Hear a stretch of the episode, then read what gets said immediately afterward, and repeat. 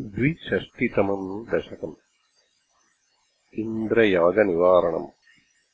कदाचिद्गोपालान् विहितमखसंहारविभवान् निरीक्ष्य त्वम् शौरे मघवमदमुध्वंसितुमनाः। विजानन्नप्येतान् विनयमृदुनन्दादिपशुपान् अपृच्छः को वायम्? जनक भवतामुद्यम इति। बभाषे नन्दस्त्वाम् सुत ननु विधेयो मघवतो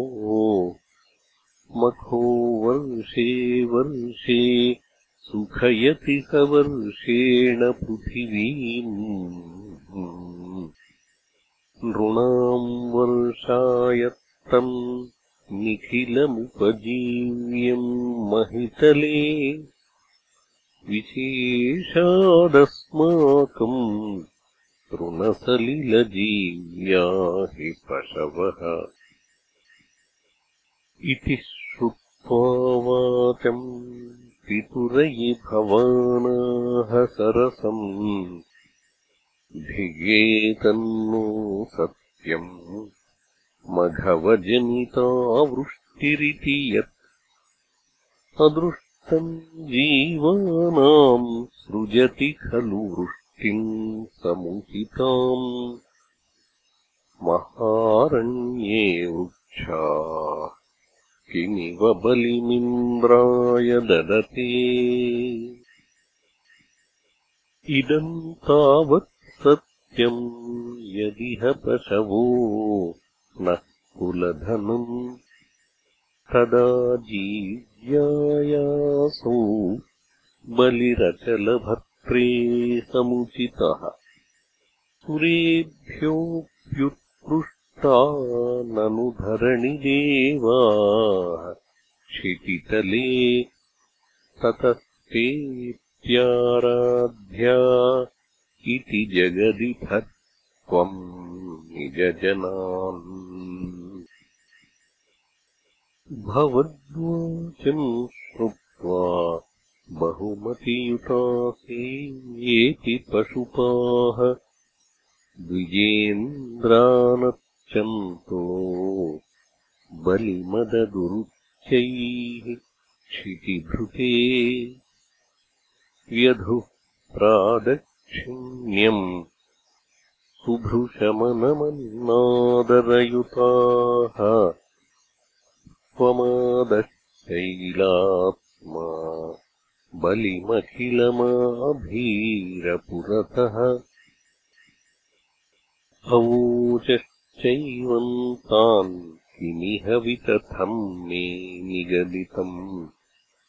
गिरीन्द्रो नन्वेष स्वबलिमुपभुङ्क्ते स्ववपुषा अयम् गोत्रो गोत्रद्विषि च कुपिते रक्षितुमलम्। समस्तानि जहृषुरखिला गोकुलजुषः परिप्रीतायाता खलु भवदुपेता व्रजजुषो व्रजम् यावत्तावन्निजमखविभङ्गम् निशमयन्। भवन्तम् जानन्नप्यधिकरजसा क्रान्तहृदयो। न सेहे देवेन्द्रस्त्वदुपरचितात्मोन्नतिरपि। मनुष्यत्वम् यातो मधुभिदपि देवेष्वविनयम्। विधत्ते चेन्नष्टस्त्रिदशसदसाम् कोऽपि महिमा